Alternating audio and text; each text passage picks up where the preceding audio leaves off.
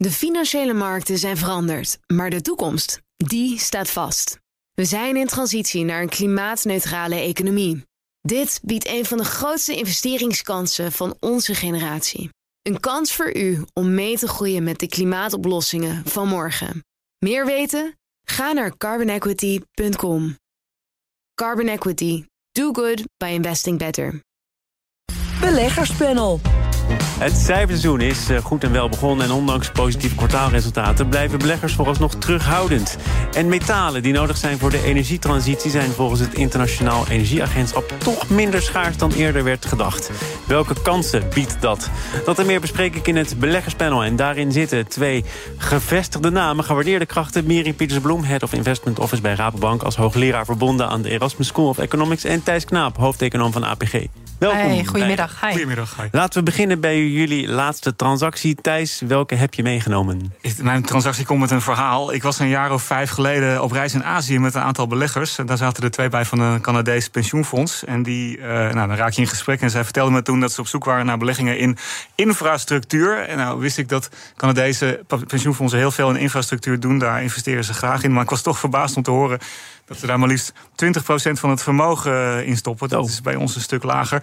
Nou, dan spoelen we even door naar 2023. Uh, eh, begin deze maand maakten wij bekend dat we voor onze klant ABP het bedrijf Kenter overgenomen hebben. Een bedrijf voor energie-infrastructuur oplossingen. En dat doen we samen met jawel, een Canadees pensioenfonds, Omers uit Ontario. Uh, dat is ook een fonds wat rustig meer dan de helft van het vermogen in illiquide assets stopt. Waaronder weer 20% infrastructuur. Uh, bij ons nog steeds niet zoveel, maar dit hebben we dus wel gekocht. Wat doet Kenter? Uh, dat is een bedrijf dat actief is in de elektriciteit. Ze leveren transformatoren, schakelapparatuur en meters aan meer dan 25.000 zakelijke klanten in Nederland en België. Uh, het is de tweede keer overigens, hè, ja, met precies, Omers. Heel, oh, wat scherp, Thomas. Afgelopen november werkten we ook al samen met uh, Canadezen van Omers. En die uh, deden toen met ons de overname van Groendus. Ook een bedrijf wat zich bezighoudt met de energietransitie. en dat is goed bevallen. Zit er dan nog meer in het vat? Want ja, die 20% moet je natuurlijk wel halen, hè? Wel, ja, dat, daar uh, weet ik, zelfs ik niks Ah, van. Thomas. Dus ik uh, zit op het punt uh, in het bedrijf waar ik pas achteraf word gedeeld in dit soort dingen. Dus misschien nog wel, maar ik weet het niet. Er is omtrent deze transactie ook wel het nodige gepubliceerd, onder andere in het FD. En daarin stond, in dat artikel, dat Aliander Kenter in de etalage had gezet vanwege beperkende wet en regelgeving. En dan vraag ik me af, die beperkende wet en regelgeving geldt dan toch ook voor de nieuwe eigenaren? Uh, ja, er zijn beperkingen aan wat, uh, wat bijvoorbeeld netbeheerders mogen en kunnen en wat pensioenfondsen mogen en kunnen. En daar kunnen volgens mij wel verschillen in zitten. Kijk, voor ons geldt dat dit een investering is uit uh, de categorie ja, infrastructuur, waar we altijd van denken dat is mooi. Want niet alleen zijn dat regelmatige kaststromen, maar het is ook nog iets wat we jarenlang als, met, met het prijsniveau mee kunnen zien gaan. Waardoor we als pensioenfonds heel goed in staat zijn om de, de pensioenuitkeringen. Is het ook bewust een investering dichtbij? In Nederland? Hoort dat, dat speelt, er ook bij? Ja, dat, dat, dat speelt wel mee. Dus we vinden het fijn om uh, uh, in Nederland te beleggen als het gaat om de energietransitie. Er moet hier gewoon heel veel gebeuren en daar is heel veel geld voor nodig. Nou, we zijn een natuurlijke partij om dat mede te financieren. Dus dat doen we hiermee een beetje. We gaan naar uh, jou, jullie laatste transactie, ja. Ja, nou, het is hartstikke goed hè, dat onze pensioenfondsen uh, dit doen. Dit soort uh, directe investeringen in infrastructuur en, en andere zaken. Want ja, weet je, pensioenfondsen hebben gewoon een hele lange termijn blik en kunnen op die hele lange termijn dit soort gelden beleggen. dat kan bij ons natuurlijk niet. wij, zitten in, ja, wij zitten in vermogensbeheer. En als iemand besluit, ik wil morgen nog een camper kopen om op vakantie te gaan, dan, uh, dan kan je niet aan je pensioengeld komen, maar wel uh, ons bellen. En dan kunnen we het vrijmaken. En daarom zitten wij alleen in uh, liquide beleggingen. Ja. Dus beursgenoteerde aandelen en, en obligaties. Nou, wat hebben we daar gedaan? we hebben een, een kleine transactie gedaan. We hebben wat hergebalanceerd, want we hebben nu voorkeur voor een neutrale weging aandelen en obligaties. En doordat aandelen harder zijn gestegen dan obligaties, liep dat buiten onze bandbreedte. En dus hebben we iets uh, in juni iets van onze aandelen moeten verkopen en uh, obligaties terugkopen. Nou, het is zo klaar als een klontje. En die neutrale weging, waarom? Nou, we zitten nog even op het vinktouw. Uh, om te kijken van hoe uh, de tweede helft van het jaar eruit gaat zien. Volgens mij uh, is dat straks ook onderwerp van gesprek. De outlook voor de. Jij weet het al, hoe het ja, nou, tweede helft eruit gaat zien. Waar jij, waar jij het gesprek heen gaat leiden. Ja. We, we, komen daar vanzelf terecht. Maar het is ook nu al een drukke beursweek met veel kwartaalcijfers van grote bedrijven. TomTom, gisteren in Nederland, ASML, Tesla. Gaat allemaal nog gebeuren. En ondanks die positieve resultaten is de teneur in ieder geval dat de stemming onder beleggers nog, nog enigszins is. Uh, deel jij dat sentiment of valt het wel mee? Ja, ik, uh, nou ja, het sentiment is natuurlijk behoorlijk afgezwakt. De verwachtingen zijn heel erg laag. Vandaar ook dat uh, de cijfers die tot nu toe uit zijn gekomen bijzonder uh, meevallen. Maar dat is dus tegen hele lage verwachtingen. En ik moet ook wel zeggen dat de eerste golf die we hebben gehad was van banken. en banken hebben natuurlijk heel fijn kunnen profiteren van hogere rentes, want dat is goed voor hun bedrijfsmodel. En daarom zie je dus dat ja, nu de verwachtingen, de, de uitkomsten uitstijgen boven die verwachtingen. Niet een heel gek verhaal. Ik denk dat wat nog moet gaan komen. Uh, veel interessanter is voor uh, een aantal zaken die in de economie spelen. Zoals bijvoorbeeld AI, eh, kunstmatige intelligentie voor big tech. Hoe staat het er werkelijk met China voor? En uh, hoe verteren bedrijven de hogere inflatie? Ik had het idee, Thijs, en ik ben natuurlijk met voorinformatie verrijkt... dat jij die financiële sector en de resultaten van onder andere banken wel heel interessant vindt. Ja, en uh, niet alleen omdat ze altijd als eerste publiceren. Hè. We hebben afgelopen vrijdag al het eerste plukje banken gehad. Maar we hebben natuurlijk ook in Q1, uh, ja, mag je het zo noemen, de bankencrisis gehad. Een bankencrisisje.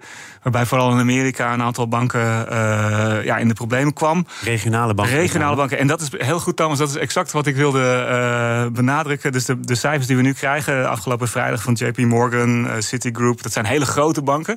En het is inderdaad waar dat de, de grote banken kunnen goed omgaan met deze omgeving omgeving van stijgende rente. Want uh, de, de, grote banken zijn betrouwbaar, die vallen niet zomaar om. Ze zijn alleen maar dus groter geworden. Ze zijn alleen maar groter geworden, dus de klanten halen niet zomaar hun geld weg. En dat was het probleem wat je bij de kleine banken eh, zag. Dat, ja, die, daar, daar kon je soms twijfels bij hebben of dat allemaal wel goed ging. En dan haalden klanten het geld bij de grote banken weg, en, bij de kleine banken weg en brachten ze het naar de grote. Brachten ze naar JP Morgan. Ja, inderdaad. En die, nou, maar het, dus die, gaan, uh, die gaan goed. En ja, wat Meriel zegt, de verwachtingen waren desondanks niet zo heel hoog gespannen. En wat er tot nu toe uh, uitgekomen is. En we zijn op dit moment komen er nog meer bankencijfers uit. Hè. Vandaag uh, Bank of America, Morgan Stanley. Uh, dus nog wat van die grote jongens. Wat daar op dit moment uitkomt, is eigenlijk, uh, ja, wat mij betreft, gewoon goed nieuws. En dat is toch wel belangrijk. Ik geef toe, het zegt je weinig over hoe het gaat met de productie in de industrie of de conjunctuur in China. Maar het is wel een noodzakelijke voorwaarde. Als het met de banken niet goed gaat, dan gaat het met de hele economie niet goed. Want dan komt er toch altijd een soort van crisissfeer. Dus dit is wel fijn dat dit, dat dit goed gaat. En je kan toch ook wel een beetje zien hoe het loopt. Hè. Dus wat die grote banken nu zeggen, wat het goede nieuws is, is dat vooral de renteinkomsten heel erg oplopen. Ja, natuurlijk, want de rente is heel veel hoger geworden. Maar de mensen die geleend hebben, moeten het wel op kunnen brengen. Ja, dat is de keerzijde. De kredietverliezen, de, de, dus de creditcard-eigenaren of de bedrijven die een lening met variabele rente hebben, die moeten het allemaal op kunnen hoesten. En, en daar was eigenlijk het nieuws best wel goed. Dus als je wat, wat dieper in de cijfers duikt van de afgelopen vrijdag, dan zie je dat ook ja, de charge-offs, dus de, de, de, de creditcards die, die niet uh, afbetaald worden. En de, uh, de bedrijven en de vastgoedprojecten die er niet in slagen om de rente op te brengen. Dat is eigenlijk nog maar een heel klein uh, gedeelte van het geheel. En dat is relatief goed nieuws. Want als het daar misgaat, ja, dan is het een kwartaal later bij de banken toch nog weer slecht. Een paar, paar weken geleden, misschien inmiddels wel anderhalf maand geleden, kwam Nvidia met een tussentijds bericht. Hè. Dan komen we meer op het spoor van AI. Ja. waarin werd gezegd, nou, wacht maar, Q2 dat is veel beter dan analisten verwachten. En wat er toen gebeurde, nou, dat is bijna met geen pen te beschrijven. Hè. Het ging echt dwars door het dak. En in het spoor van Nvidia ook daaraan gerelateerde bedrijven. Ja dan is dit het moment dat die boeken natuurlijk open gaan. Ja, nu is de proef in de padding. Hè? Uh, nu is het uur van de waarheid, uh, laten we maar zeggen. Om, uh, daarom vind ik ook inderdaad de, de, ja, wat de, de aankondiging van Nvidia nog wel het meest spannend, zeg maar, op dat front. Ook omdat je wel hebt gezien dat de, de zeven grote techbedrijven hebben toch met name die, die equity rally getrokken in de laatste paar maanden. En, en nu gaan we zien of dat zeg maar nou ja, op lucht is gebaseerd of op werkelijkheid. Dat kan toch bijna niet dat dat alleen maar lucht is? Je komt toch nou, met zo'n bericht omdat je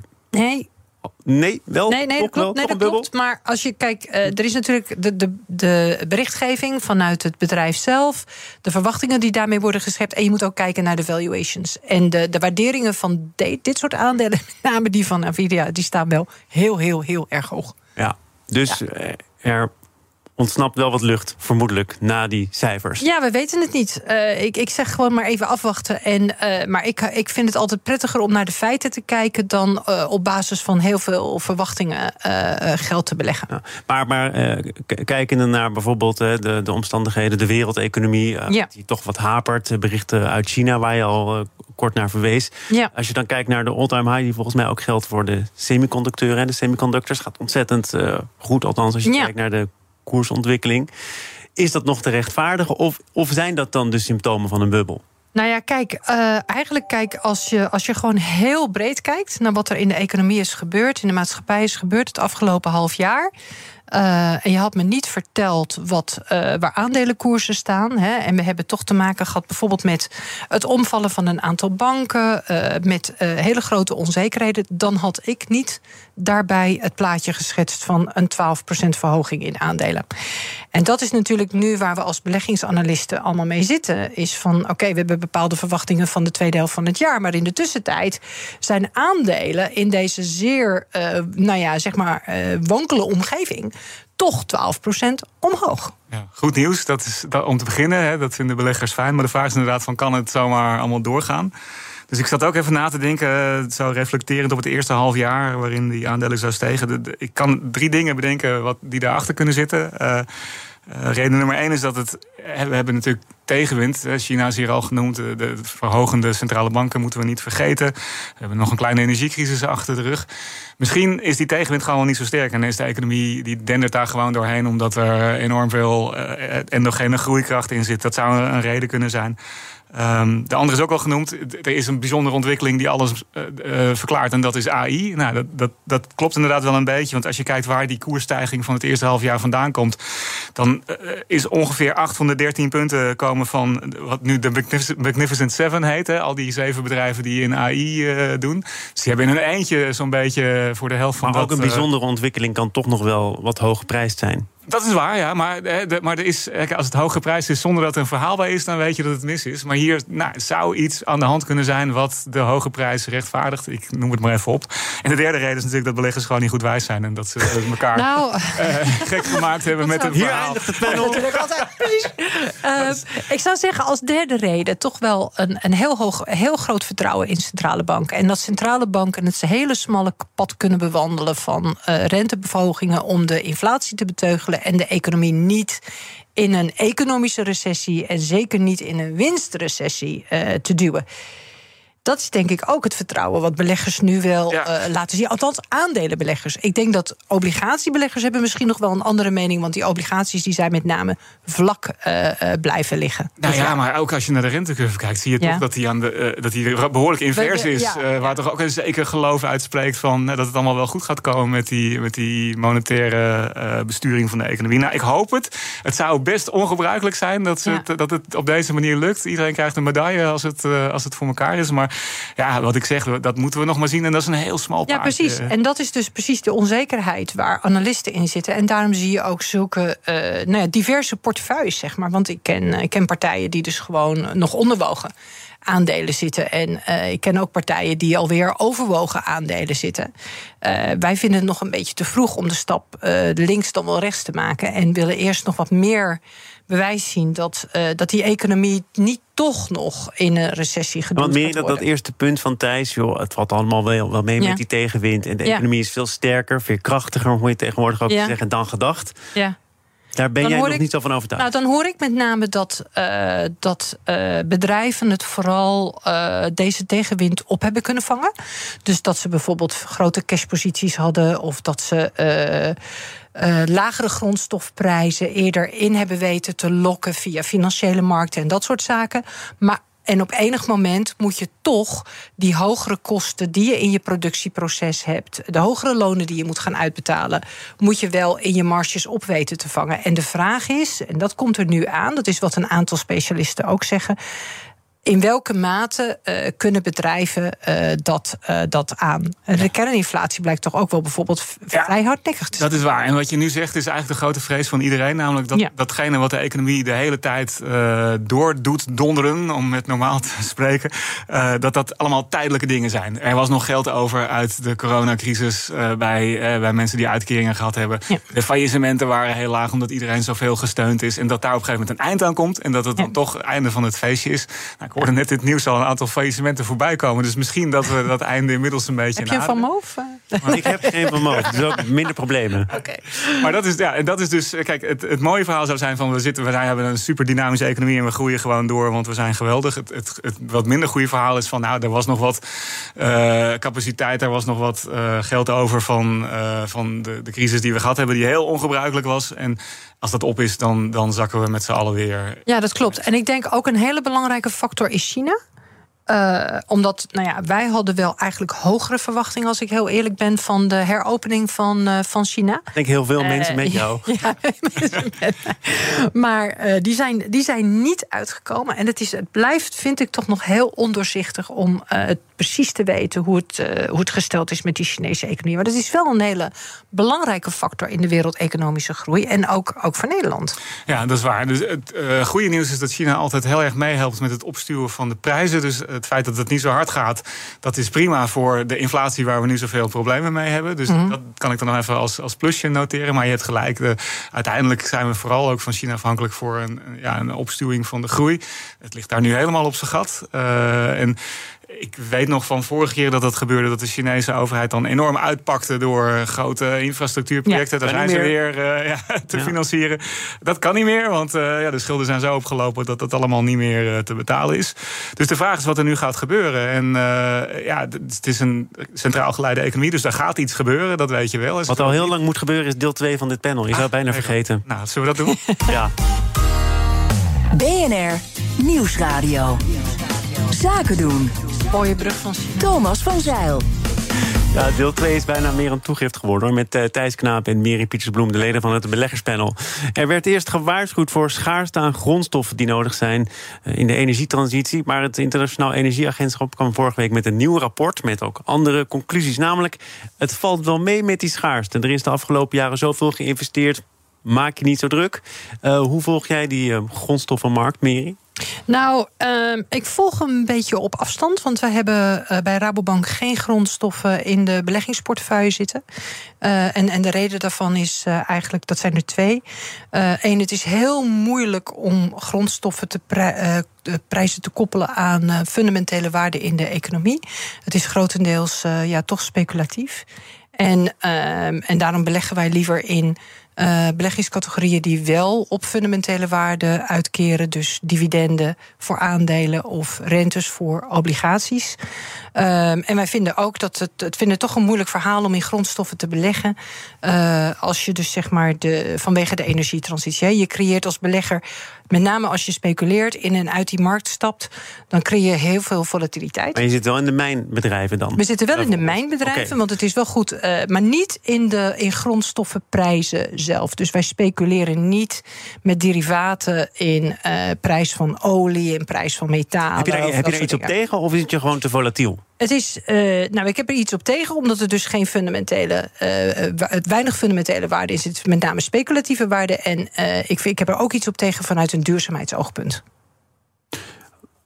Waarom vanwege een duurzaamheidsoogpunt? Nou kijk, als je die, uh, als je die prijzen zeg maar door speculatief gedrag, als mensen erin stappen, worden die prijzen opgedreven, dan maakt het wel uh, rendabeler voor mijnbouwbedrijven om die uh, die grondstoffen uit de grond te halen. Maar die mijnbouwbedrijven zijn er niet bij gediend als plotseling dan die beleggers zich er weer uit terugtrekken, op welke andere re om welke, welke reden dan ook. Want dan zitten ze dus met al die volatiliteit van die, van, die, uh, van die prijzen. Tegelijkertijd, als je de prijs hebt opgestuurd, betekent het ook dat de producten die daarmee gemaakt worden voor de duurzame energietransitie duurder worden. De zonnepanelen, de, de alles wat maar we nodig gezegd, hebben. Dit is de hedge tegen inflatie. Ook grondstoffen. Ik weet niet of dat nog steeds uh, ja. opgeld doet hoor. Ehm, nou, je kan wel kijken naar heel veel academische studies op dat front. En dan is daar wel iets van bewijs voor, maar het is niet heel erg sterk. Ik moet toch even de andere kant van dit verhaal nemen. We zitten erin, hè? Wij beleggen wel in, in grondstoffen. Kijk, ten eerste is het zo dat als wij een contract kopen voor grondstoffen over één of twee jaar dan kan degene die dat moet ontwikkelen, die kan dat aan de andere kant van het contract nemen. Die heeft dan een garantie dat hij een bepaalde prijs krijgt. Wat op zich goed is voor de ontwikkeling van uh, nou ja, wat voor grondstof je dan, uh, dan gekocht hebt. Dus ik denk wel dat het uh, faciliteert dat, dat er investeringen gedaan worden. Ik denk ook dat het een grote rol speelt in, in inflatie. Dus het is nu met name olie, maar je ziet ook de metalen nu al best wel heen en weer bewegen. Uh, en ja, dat komt min of meer uh, één op één komt dat in onze inflatie terecht. En daarom, zeker als pensioenuitvoerder, is het best handig om die grondstoffen in portefeuille te hebben. Maar dus de andere kant van het verhaal, als je terecht zegt, de kant die Meri belicht, is er ook. Ja.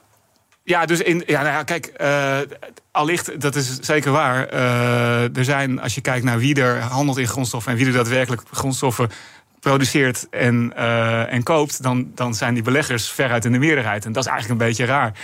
die markt die, die, is, die wordt geregeerd door beleggers. Maar ik denk wel dat die beleggers een zekere mate van stabiliteit brengen. In de zin van dat je als producent altijd kan kopen en als uh, koper altijd kan. Ja. Uh, is niet meteen iets wat ik associeer met deze markt. Het is toch hoe dan ook een hartstikke wilde rit. Ik kan me nog vorig jaar herinneren, had van alles te maken met Oekraïne. Maar dat volgens mij de handel in nikkel plotseling werd stilgelegd. Nou ja, er zijn, er zijn enorme bewegingen geweest op, ook op uh, metaalmarkt. En dan is het altijd de vraag van, ja, gaat het allemaal ordentelijk? Hè, als het al hard heen en weer gaat. Uh, maar er gebeurde ook wat vorig jaar. Hè. Er, er, was een oorlog, er werd een hele uh, supply chain werd er, ja, was niet meer beschikbaar. Dus nou, dat is niet gek dat een prijs dan gaat bewegen.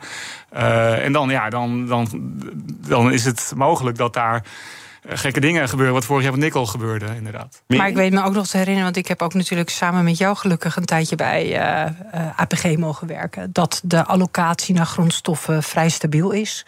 Dus jullie, zijn, jullie hebben zeg maar een stabiele uh, flow uh, die markt in. Maar je hebt natuurlijk ook zeer speculatieve beleggers zoals hedgefonds. En die, ja, en die, die zippen in en uit uh, van die markt. Maar nog even iets over het om, omhoog halen, zeg maar, hè, het mijnen van dit soort grondstoffen. Ehm, daar kan je natuurlijk ook iets van vinden. Hè? Want ehm, nou ja, uiteindelijk is natuurlijk de voorraad wel beperkt. Hè. Daar zit een, ja, daar zit, dat is eindig, laten we zeggen. Um, en met het mijnen van dit soort grondstoffen gaan ook heel veel natuurlijke uh, grondstoffen gepaard, met name water. Wordt heel veel water gebruikt om dit soort grondstoffen uh, te mijnen. Um, en daar, ja, daar kun je ook iets van vinden. Wat wij doen in onze portefeuille is wij beleggen uh, naar de circulaire economie. En de circulaire economie gaat natuurlijk met name over het recyclen. En met name van dit soort hele uh, schaarse grondstoffen die we, die we nodig hebben. Uh, dus onze recyclingthema zit ook op afval in zijn algemeenheid, maar ook dus op dit stuk. En, en, en voel ik mij persoonlijk heel prettig bij. We moeten de tweede helft van het jaar 2023 maar eens een keer in de tweede helft van 2023 bespreken. Jullie hebben het er zelf naar gemaakt, doordat jullie een goede andere gesprek hebben gevoerd. En ik heb niet ingegrepen. Ik zal maar meteen zeggen. Thijs Knaap, hoofdeconoom van APG. En Miri Pietersbloem, Head of Investment Office bij Rabobank, hoogleraar aan de Erasmus School of Economics. Dank voor dit panel. Graag gedaan. Beleggerspanel wordt mede mogelijk gemaakt door Annexum. Al meer dan 20 jaar de aanbieder van vastgoedfondsen.